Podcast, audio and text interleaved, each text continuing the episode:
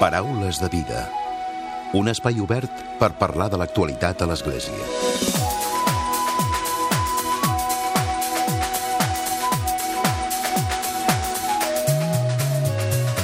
Què tal? Salutacions i molt bon dia, molt bon diumenge. Avui parlarem dels més petits, dels infants i de l'escola Bressol. I és que un informe de la Fundació Pere Tarrés reclama que les escoles Bressol siguin més inclusives amb les diversitats i les necessitats de les famílies. En concret, l'informe Model d'Escola Bressol Inclusiva, liderat per la Fundació Pere Tarrés, però amb la col·laboració important de l'Hospital Sant Joan de Déu i de la Facultat de Psicologia, Ciències de l'Educació i l'Esport Blanc Blanquerna de la Universitat Ramon Llull posa de manifest les dificultats de les escoles bressol per tal d'atendre infants amb necessitats educatives especials i també amb dificultats socioeconòmiques. De seguida en parlem amb un dels autors d'aquest informe, en Jesús Vilar. Ell és mestre i també doctor en Pedagogia i professor titular de la Facultat d'Educació Social i Treball Social Pere Tarrés de la Universitat Ramon Llull.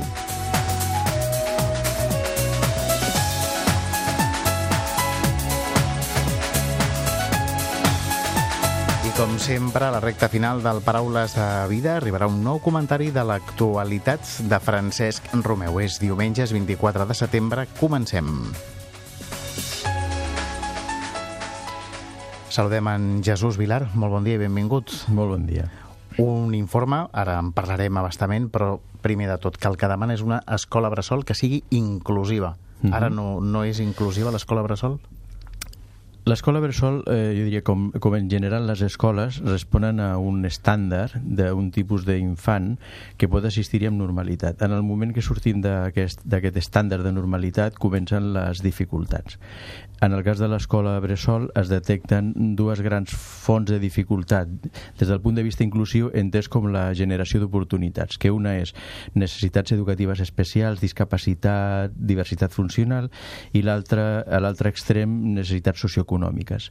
Quan es donen per separat o juntes, si es juntes encara pitjor aquestes condicions, la idea d'institució educativa inclusiva entra una mica en crisi. Uh -huh. I es dona molt aquesta situació no et sé dir dades exactes, l'escolarització en escoles bressol avui dia està al voltant del 44%, el que sí que sabem per un estudi també que ha fet la Fundació Jaume Bofill és que eh, d'aquest sector, ja dic, quan hi ha necessitats educatives, sobretot eh, necessitats educatives especials, però específicament de caràcter socioeconòmic, el nivell d'escolarització és menor. Uh -huh. Jesús, com es posa en marxa el, el projecte? De fet, és la Fundació Pere Tarrés, però també amb altres entitats importants que han col·laborat no, a l'hora de fer-ho? Sí. Eh, aquí eh, s'identifiquen tres perspectives, tres mirades que són complementàries, tot i que habitualment es presenten per separat. Per una banda és més la, la mirada més clàssica, diguem, educativa, si vols, que és la que presenta la Fundació Blanquerna, el professorat d'allà, que, que són els que fan la formació d'educació eh, infantil. Aquesta és una mirada, si vols, podríem dir, més pedagògica. Mm, en paral·lel, s'identifica una mirada de caràcter pediàtric sanitari. I aquí és on, on apareix eh, el, el col·lectiu o els professionals de l'Hospital de Sant Joan de Déu que veuen que ells tenen persones anant i movent-se per, per escoles bressol, però que eh, és, és un tema deficitari. I per altra banda, nosaltres, des de la Facultat d'Educació Social i Treball Social, identifiquem tot un seguit de necessitats i carències de caràcter més socioeconòmic, socioeducatiu, més social, mm, que també són un, un element que distorsiona o impideix, diríem, el desenvolupament adequat de l'infant. Des d'aquestes tres perspectives, diríem, eh, per què no mirem de fer un, un treball eh, en el que s'encardinin bé les tres perspectives perspectives responent a una idea d'atenció global de l'infant. Aquest, aquest és el punt de partida. Uh -huh. I a partir d'aquí, què és el que feu? Creuar dades, informació que té cada, des de cada àrea o com, com s'ha fet? El primer pas va ser eh, intercanviar perspectives és a dir, eh, des de la perspectiva més educativa clàssica, diguem-ho així, per escolar, per entendre'ns, uh -huh. diuen, per a nosaltres l'ideal de l'escola bressol seria X Llavors, eh, des de la perspectiva sociosanitària, especialment sanitària, ens diuen, per a nosaltres, els dèficits que identifiquem són aquests i les necessitats serien aquestes i l'ideal seria X. I nosaltres, des de la perspectiva eh, social, diem, nosaltres també identifiquem tota una sèrie de carències i de dèficits i seria interessant que el que passés fos tal cosa. I llavors diem, bueno, doncs per què no mirem de compartir un llenguatge comú, perquè inicialment no ho era? Inicialment no ho era, per què no agafem un punt de referència que ens ajudi a descentrar-nos de les nostres perspectives i realment posi el focus en l'infant i llavors el punt de partida és dir, doncs partim d'un document clau, que és la Convenció dels Drets dels Infants i les posteriors observacions generals de Declaracions Unides, que parlen del dret a la salut, el dret a l'educació eh, a la primera infància i després parlen de l'interès superior de l'infant i també de l'atenció a l'infant amb discapacitat. Llavors, si tot això ho juntem, ens dona un model que hem de construir. De fet, aquest, aquestes són les tres premisses més importants no, del model? Mm, sí, fonamentalment és, és una, eh, partim de, de tres aspectes. En primer lloc, una mirada holística de l'infant, que vol dir? Una mirada psicobiosociològica, és a dir, eh, des de totes les perspectives, sanitària, educativa, social... Després, una segona idea és eh, una anàlisi des de la interdisciplinarietat, perquè, clar, el model amb el que estem treballant ara, no només a les escoles Bersol, sinó en general a l'educació, no és interprofessional, sinó és multiprofessional. És a dir, hi ha la suma d'intervencions que cada professional té el seu projecte i la seva mirada. Però no hi ha una, no hi ha una interacció, no? No, màxim hi ha una coordinació. Què vol dir? Jo t'explico què faig jo des del meu punt de vista i tu m'expliques què fas tu, però no però significa... Ja, però no hi ha un intercanvi de... Ni que compartim el mateix punt de vista. Clar. I a més a més, si tu, des de la teva perspectiva eh, única, el, faries una intervenció al més purista, diríem, des de la teva perspectiva, i jo faria des del més purista des de la meva perspectiva, però igual això no és el que necessita l'infant. Igual tu has de decidir alguna cosa i jo he de decidir alguna cosa si realment el centre no és la tècnica nostra, sinó és la necessitat d'aquell infant. Per això parlem d'aquesta mirada, aquest segon element, que és la mirada holística.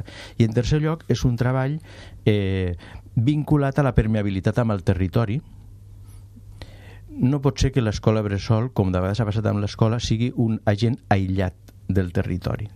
Ha de, ha de ser permeable al territori i, a més a més, ha de ser un treball vinculat a la xarxa de serveis socioeducatius. És a dir, que el, els professionals són els professionals del territori que col·laboren.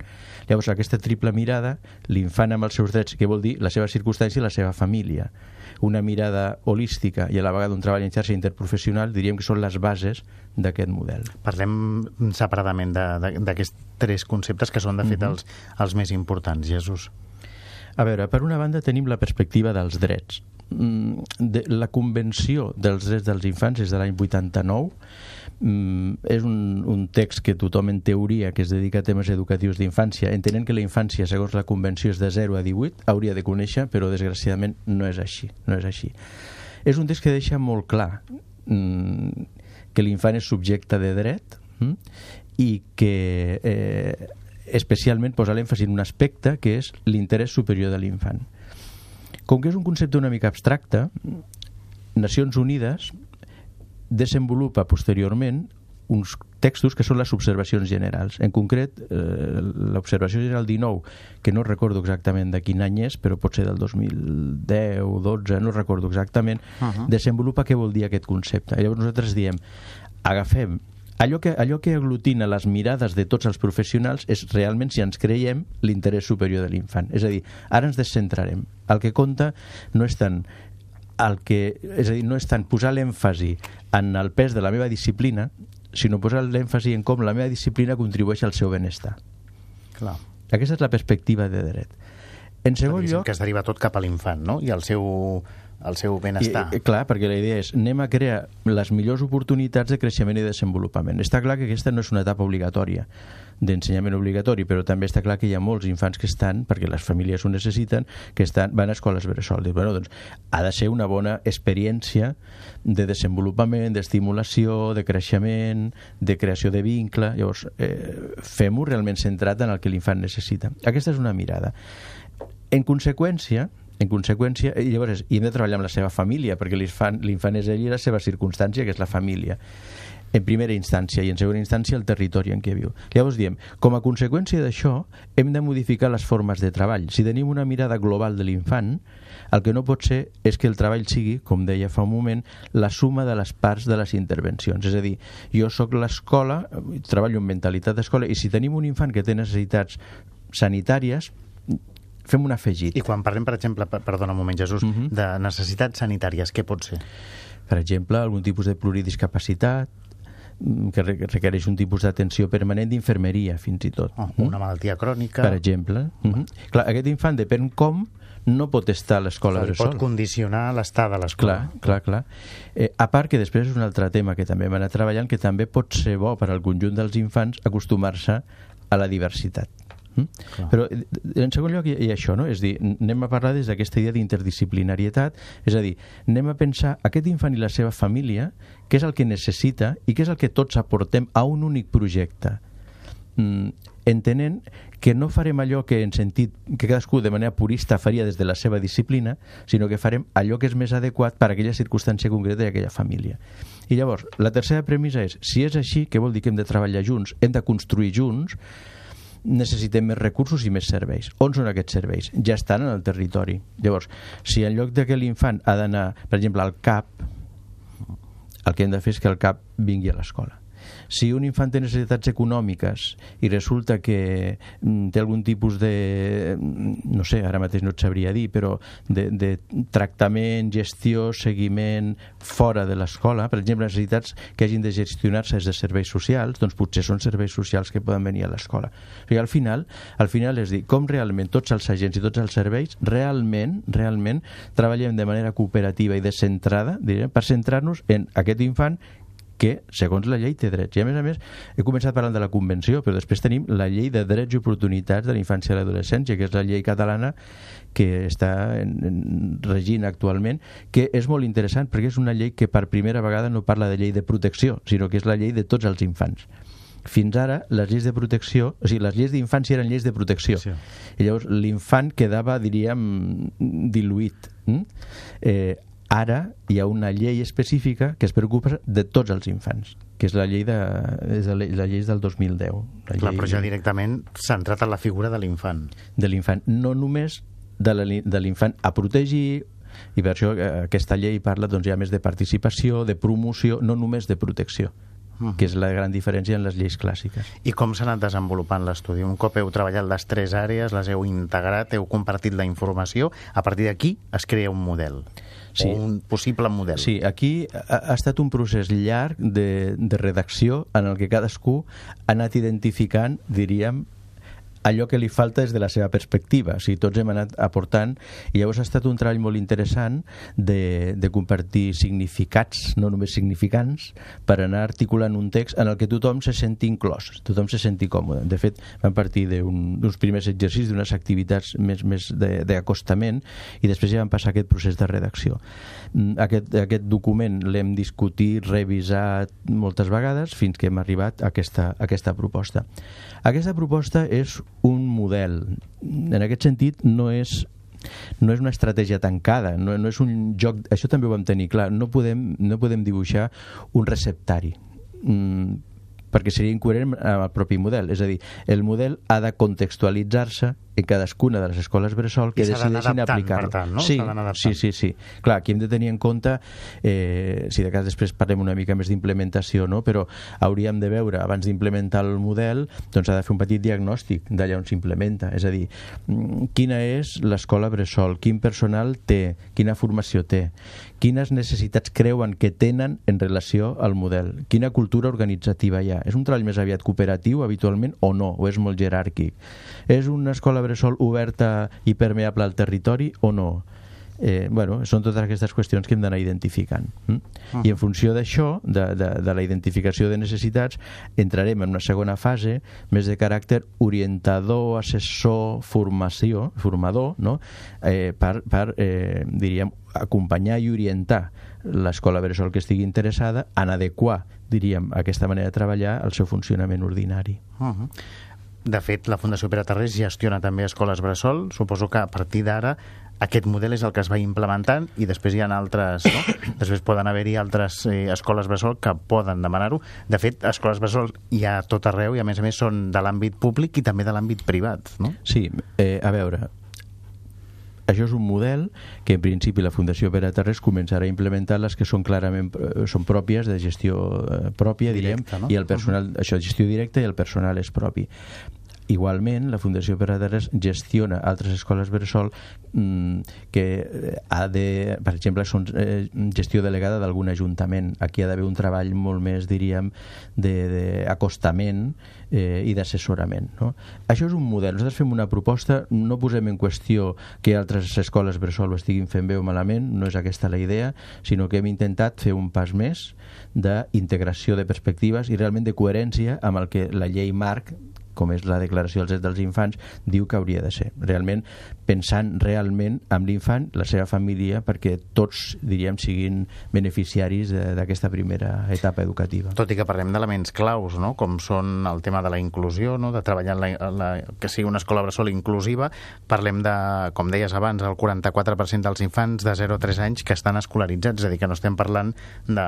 és un gruix important, i a més a més, de 0 a 3 anys, que és potser el moment més important, no? És quan el nen ja comença, uh mhm. -huh. no? A veure, clar, aquí tenim una, un fet a tenir present. Eh, és una escola no obligatòria, és, és una etapa no obligatòria, tot i que eh, els infants acostumen a anar a l'escola sobretot a partir de 3, no? Però l'ensenyament obligatori comença als 6. De 3 a 6 mm, seria l'educació infantil eh, el segon cicle, però després tenim de 0 a 3, que aquí hi ha una dispersió molt, molt, molt gran. Mm, desgraciadament encara encara queda la mentalitat aquella de que com que són petits no aprenen gaire amb, un, amb una idea equivocada d'aprendre eh? o potser que els pares treballin i el portin també, també, oh. també s'entén vull dir que de vegades és una, una paraula que hem desterrat però que implícitament hi és la guarderia no? És, jo com ho faig? És, també s'entén, eh? també s'entén en una societat com la nostra que eh, dificulta tant la, la conciliació familiar, és, és, és evident, no? Però llavors diem, bé, ja que l'infant ha d'anar a aquesta escola bressol, anem a assegurar que ho fem bé, que realment sigui una experiència, no tant en el sentit de que ell és conscient sinó perquè, bueno, depèn quina edat tingui, bueno, se sempre és conscient, no? Mm, no. Sempre serà conscient de... de eh, sempre tindrà una vivència mm, d'aquell estat. El que volem és que tingui una vivència satisfactòria, positiva i rica, realment estimuladora. Mm? Uh -huh. Ja que hi ha d'anar o sigui, sempre hi ha qui dirà i jo ho respecto i crec que també tenen raó home, de 0 a 2, 0 a 3 seria ideal que poguessin estar a casa d'acord, però però si, si, no poden, si, no hi ha, si hi ha d'anar, que hi vagi en condicions. condicions. I llavors anem a fer-ho bé. Uh -huh. Anem a aprendre'ns aquesta etapa de la vida tan seriosament com la universitat. Jesús, i ja per acabar i molt breument, la implementació és fàcil o no? Ara deies que potser amb escoles que no són directament de la Fundació... Serà lenta, jo més que fàcil o difícil diria serà lenta, perquè per això, perquè eh, de fet estem parlant de modificar cultures de treball i això requereix el seu temps. A part de que després pot tenir la seva, la seva part de pressupostos i, i més organitzativa, més material, però hi ha tota una, una feina, diríem, d'ensenyar el model, mostrar les bondats d'aquest model que, bueno, haurem de començar a fer, però estem animats a anar-ho fent. Jesús Vilà, que és mestre i és doctor en Pedagogia i professor titular de la Facultat d'Educació Social i Treball Social de la Pere Tarrés, de la Universitat Ramon Llull. Avui ens ha costat aquest nou model d'escola bressol inclusiva. Gràcies, Jesús. Que vagi molt Moltes bé. gràcies. Paraules de vida. Un espai obert per parlar de l'actualitat a l'Església.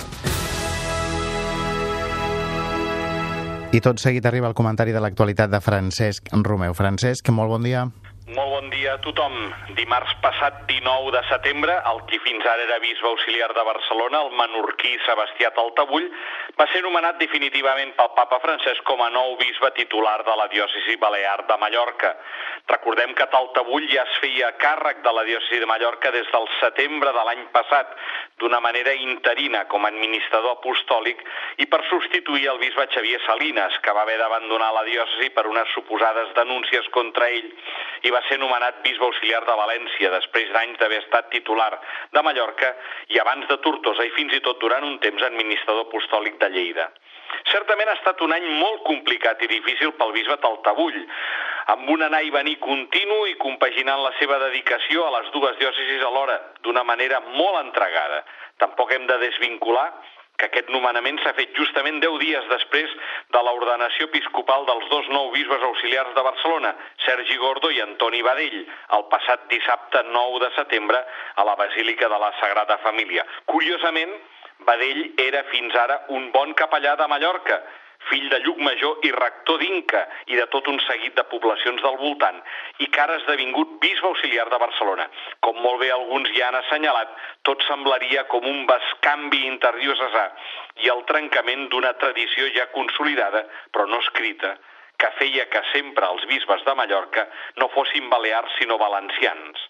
Crec que la diòcesi de Barcelona pot estar molt agraïda pel treball que ha realitzat el bisbe Taltabull entre nosaltres durant aquests prop de nou anys. Certament ha estat un home molt treballador, infatigable, molt proper, tant amb els feligresos com amb els capellans, i sempre amb una gran voluntat conciliadora. I no ha estat precisament uns anys fàcils, ni dolços, si tenim en compte que va haver d'afrontar els darrers anys del mandat del cardenal Martínez Sistac, molt capficats amb els seus projectes sobre la Sagrada Família, els congressos sobre l'evangelització de les grans ciutats o el mateix pla pastoral per després afrontar l'aterrament d'un nou arcabisbe, Joan Josep Omella, d'origen aragonès, i que arribava a Barcelona de la diòcesi de Logroño, amb un gran desconeixement de la realitat catalana i barcelonina. Taltabull ha fet d'autèntic anfitrió de la casa episcopal, fins que va haver de partir en dos entre Mallorca i Barcelona. Una solució que per acabar així potser ja es podia haver fet d'una manera definitiva molt temps abans. Ara pot ser un bon moment tant pel bisbe Taltabull com per la diòcesi de Mallorca si amb dos aconsegueixen de caminar junts i de transmetre's mútuament il·lusió. El bisbe Taltabull aquests dies ha tingut paraules d'agraïment per la diòcesi de Barcelona a través d'una carta tot dient que aquest nou nomenament suposa haver de deixar la missió que fins ara havia exercit a l'estimada diòcesi de Barcelona. Han estat més de vuit anys de servei episcopal com a bisbe auxiliar. No tenc paraules per agrair tot el bé que he rebut i tot el que he après, vivint el goig de l'amistat i del servei pastoral, tal com Jesús ens ho demana quan ens diu que som els seus amics. Durant el temps que encara compaginaré el servei episcopal dues diòcesis, em permetrà poder-nos trobar per l'agraïment que sempre ens devem, sobretot al Senyor que ens acompanya. També el cardenal Joan Josep Pomella ha tingut paraules d'agraïment pel seu bisbe auxiliar fins ara, tot dient que, sens dubte, ha estat una valuosa ajuda per mi des de l'inici del meu ministeri a l'Arxidiòcesi de Barcelona. Dono infinites gràcies a Déu pel seu valuós ajut i per haver acceptat treballar colze a colze amb mi pel bé de l'Església que peregrina a Barcelona, pel bé de tots vosaltres, estimats germans i germanes. Gràcies, Senyor, per haver-nos concedit compartir part de la nostra vida i la nostra feina amb aquest pastor infatigable i proper a les nostres alegries i sofriments, a les nostres iniciatives i projectes. Que la sembra feta amb tant d'esforç i generositat per ell i per tot el poble cristià no es perdi i doni molts fruits. Anunciem que la missa de comiat de Barcelona i d'Acció de Gràcies serà el diumenge 9 de novembre a la Sagrada Família i que la missa d'inici del seu nou ministeri episcopal serà a la Catedral de Mallorca el dissabte 25 de novembre. Molt bon diumenge a tothom!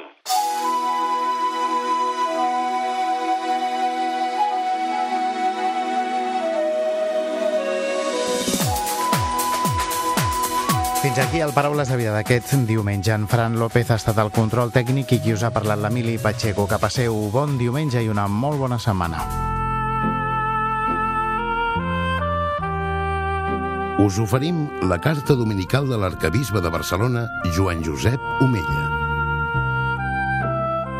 Déu vos guard. Avui celebrem la festa de la nostra patrona, la Mare de Déu de la Mercè, que significa misericòrdia. Quina advocació més bella, quin títol més bonic. El nostre món està mancat de misericòrdia, de comprensió i de tendresa, fins al punt que sense ella difícilment caminarem pel camí del bé. Em sorprèn i em dol molt, per exemple, constatar que cada dia hi ha més nens i joves que viuen crispats, tensos, amb molta agressivitat al seu interior. Coneixem molts casos, masses, en què determinades decisions dels pares els arriben a obrir ferides profundes, difícils de tancar i cicatritzar. La ruptura familiar produeix molt dolor i els nois no han pogut viure en un clima de pau l'amor, la tendresa i la misericòrdia. El proper any 2018 celebrarem el 800 aniversari de la fundació de l'Ordre de la Mercè per Sant Pere Nolasc, a la ciutat de Barcelona. Quan Pere Nolasc i els mercedaris rescataven els esclaus, els mostraven la tendresa d'una comunitat, d'unes famílies que els acollien i aquest amor els donava esperança. L'amor engendra esperança. Per això a la Mare de Déu també li donem el vell títol de Mare de l'Esperança. La veritable esperança té el seu fonament en Déu.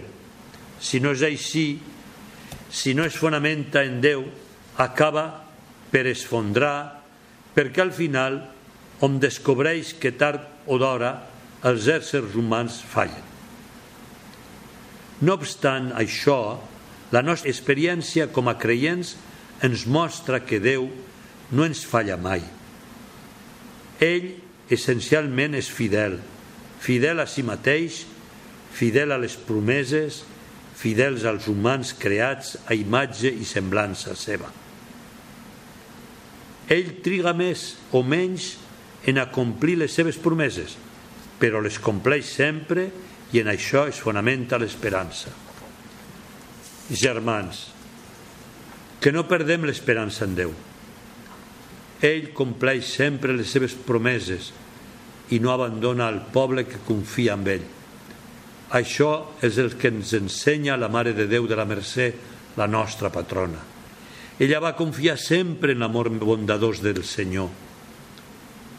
L'esperança ens porta a confiar, a esperar també en els germans, els homes.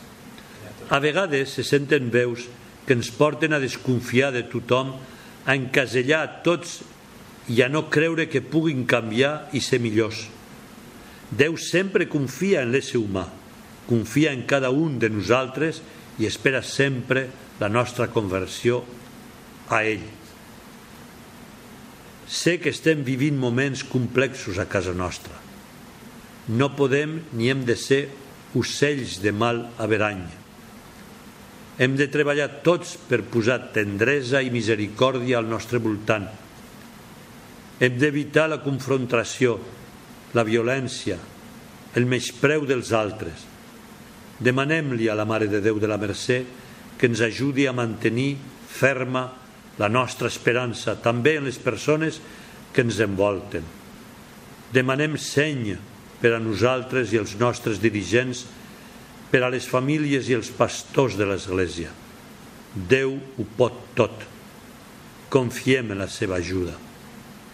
Que Santa Maria ens mantingui ferms en la fe i ens faci testimonis d'esperança enmig del nostre món, malgrat totes les dificultats i problemes que trobem. I preguem especialment per les persones privades de llibertat i per les seves famílies, ja que la Mare de Déu de la Mercè és també la seva patrona, la patrona de les presons. Benvolguts germans, que Déu us beneixi a tots. Us hem ofert la carta dominical de l'arcabisbe de Barcelona, Joan Josep Omella.